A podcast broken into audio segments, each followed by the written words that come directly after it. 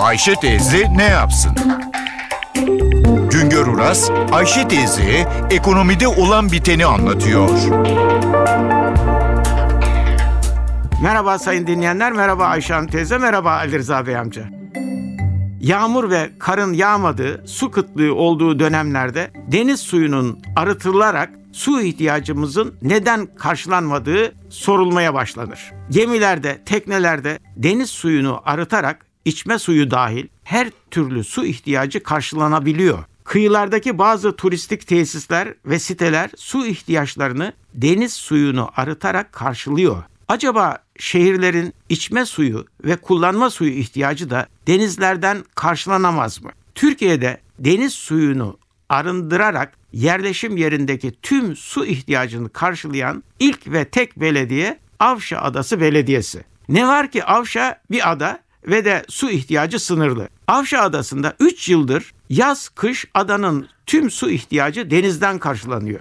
Deniz suyunu şehir suyu olarak kullanılan şehirlerin su ihtiyacını karşılayan ülkelerin başında Arap ülkeleri geliyor. Suudi Arabistan denizden yılda 5 milyar metreküp şehir suyu elde ediyor. İsrail ve İspanya'da da çok sayıda tesis var. İsrail başka kaynağı olmadığı için denizden yararlanmayı sürdürüyor. Son olarak İsrail'de 200 milyon dolar harcama ile yapılan bir tesis var. Bu tesis yılda 110 milyon metreküp deniz suyu arıtacak. İstanbul'un günlük su ihtiyacını karşılamak için buna benzer en az 10 15 tesisin kurulması gerekiyor. Deniz suyunun tuzunu ayıran tesislerin yatırım maliyetinin ötesinde işletme maliyetleri çok yüksek. Bu tesislerde 1 metreküpü suyu arıtmak için 3 kilowatt elektrik kullanılıyor. Dünya ortalaması 1 metreküp su maliyetinin 3 veya 5 dolar olması şeklinde hesaplanıyor.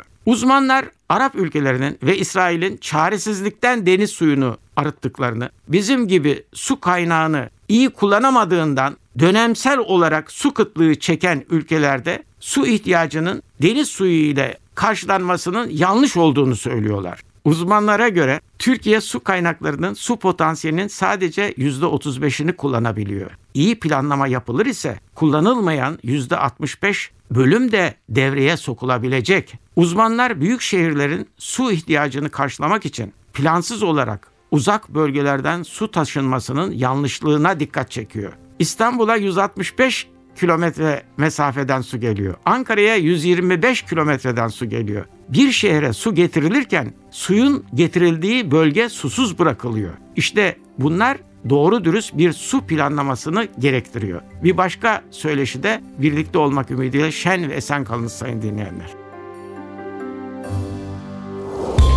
Güngör Uras'a sormak istediklerinizi ntvradio.com.tr adresine yazabilirsiniz.